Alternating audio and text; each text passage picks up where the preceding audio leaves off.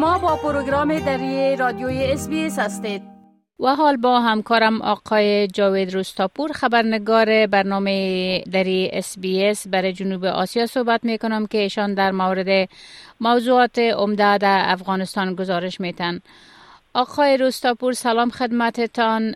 در آغاز می خواهیم بپرسم که یک حمله از طرف جبهه آزادی در ولایت پروان علیه طالبا صورت گرفته و تعدادی از طالبا کشته و زخمی شدن در این مورد اگر به شنانده های ما کم معلومات بتین با سلام وقت شما بخیر خانم تصمیم بله امان گونه که شما اشاره کردیم جبهه آزادی افغانستان با نشر خبرنامه ادعا کرده که در پی یک حمله امنیتی بر پاسگاه حوزه دوم امنیتی طالبان در شهر چاریکار مرکز ولایت پروان چهار روز به طالبان به شمول یک فرمانده این گروه کشته شده و سه تن دیگرشان زخمی شدند در خبرنامه جبهه آزادی آمده که جنگجویان طالبان مستقر در این پاسگاه به بهانه بازرسی مردم را مورد آزار و اذیت قرار می‌دادند و به همین دلیل این جبهه بر آنان حمله کرده.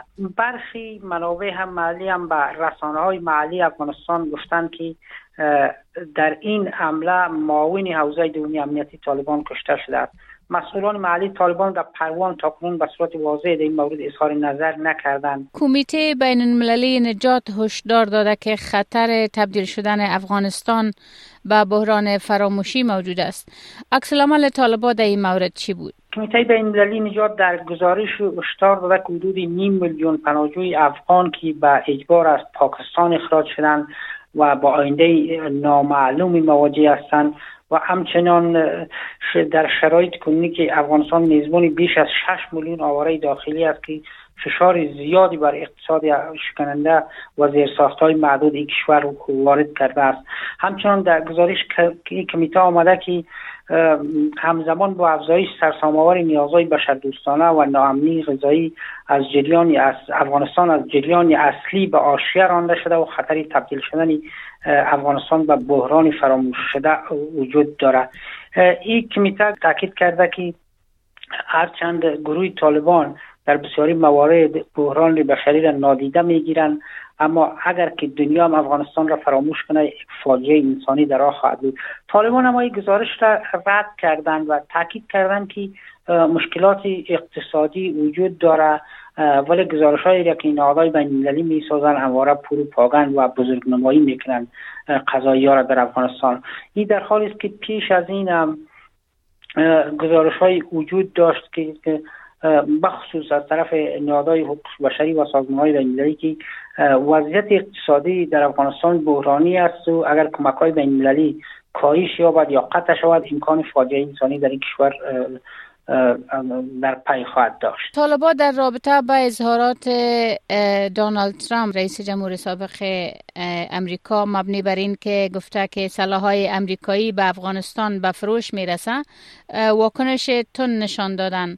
در این مورد اگر به شنانده های ما کم بیشتر گزارش بتین بله ترامپ که نامزاد انتخابات ریاست جمهوری آینده امریکا هم در یک محفل انتخاباتی با اظهار اینکه خروج نظامیان از امریکایی از افغانستان شرماور بوده است مدعی شده بود مدعی شده که در طالبان در حال فروش اسلحه های بجامانده از امریکایی در افغانستان هستند. اما زبولای مجاهد سنگوی طالبان اظهار داشت تجهیزات نظامی جامانده از آمریکایی ها به طور کامل در اختیار طالبان قرار دارد و هیچ یک از این اسلحه ها به فروش نرسیده. مجاهد در واکنش به اظهارات ترامپ تاکید کرد که تجهیزات باقی مانده مورد نیاز افغانستان است و به اما به خاطر تامین امنیت ما به این تسلیحات نیاز داریم و امریکایی ها پور پاوند می‌کنن و شکست خود را حالا امریکایی ها گفته به نوی سفید نمایی می‌کنند تازه ترین مورد انور الحق کاکر صدر اعظم یا نخست وزیر موقت پاکستان ادعا کرده که ساز و برقهای به جامانده از نیروهای خارجی در افغانستان در بازارهای سیاه به فروش می‌رسند. و تاکید کرده بود که عمدتا این اسلحه ها توسط فرماندهان محلی طالبان به گروه های مخالف مسلح پاکستان یعنی تی تی پی هم به فروش رسیدند. این مسئله امنیت پاکستان را با خطر مواجه کرده است. خب آقای روستاپور طالبا در غزنی بعد از یک مدت زیاد 50 درصد معاش کارمندای دو شفاخانه را پرداختن. دلیل این کار چی بوده و چرا معاشات کارمندان داده نشده؟ بله اما که شما گفتین پس از یک وقفه سه ماهه طالبان در غزنی معاش دو شفاخانه دولتی را 50 درصد پرداختن. به گفته منابع هرچند این معاش توسط یک همکاری بینالمللی در بخش صحت زیر اداره طالبان پرداخت می شده متاکنون طالب دلیلی کار طالبان مشخص نشده. این منابع گفتن که اگر که این مسئله مشخص نشد احتمال این وجود دارد که شماری از کارمندان شفاخانه دست به تحسین بزنند و از کار استعفا کنند.